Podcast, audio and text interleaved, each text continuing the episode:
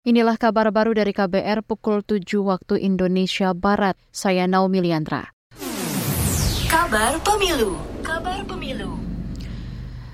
Kita awali berita seputar pemilu 2024. Ketua Umum Partai Demokrasi Indonesia Perjuangan, Megawati Soekarno Putri memastikan program pembangunan di masa Presiden Joko Widodo bakal dilanjutkan apabila partainya memenangkan pemilu.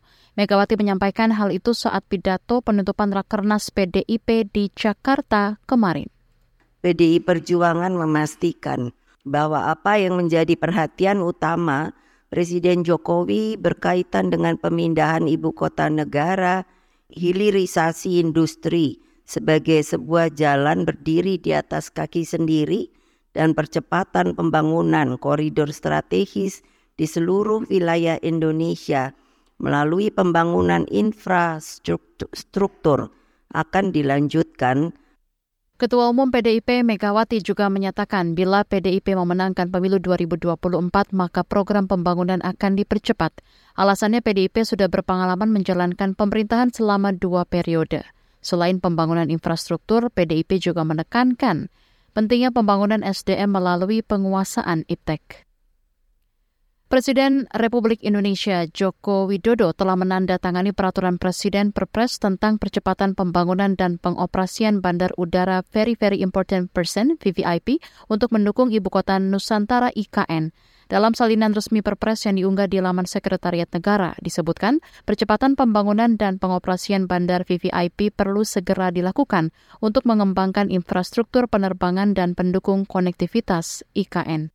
Dalam Perpres, Presiden Jokowi menugaskan Menteri Pekerjaan Umum dan Perumahan Rakyat PUPR Basuki Hadi Mulyono dan Menhub Budi Karya Sumadi untuk melakukan percepatan pembangunan dan pengoperasian bandara VVIP IKN.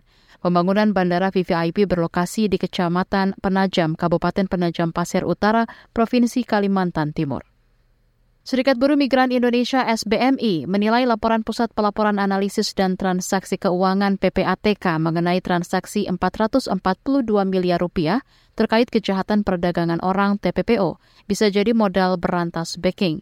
Menurut Ketua Umum SBMI Haryanto Suwarno, TPPO dan tindak pidana pencucian uang TPPU saling berkaitan. Kata dia PPATK perlu melihat ke mana aliran dan siapa saja yang menikmati uang tersebut dicek aliran dananya, dibekukan, segala macam. Ini salah satu pencegahan yang paling bagus yaitu memboikot bisnisnya begitu ya dengan menggunakan undang-undang TPPU yang sedang dilaksanakan oleh PPATK. Kemudian cara penegakan hukumnya kalau hanya fokus pada pemenjaraan orangnya tanpa menyasar soal aliran bisnisnya, ini tidak akan pernah berhenti. Ketua Umum SBMI Haryanto Suwarno berharap Satgas TPPO yang dibentuk Kapolri mampu memberantas dan menangkap pelaku lapangan hingga para backingnya.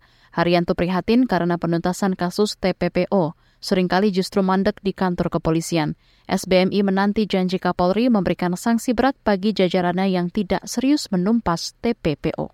Demikian kabar baru KBR, saya Naomi Liandra undur diri.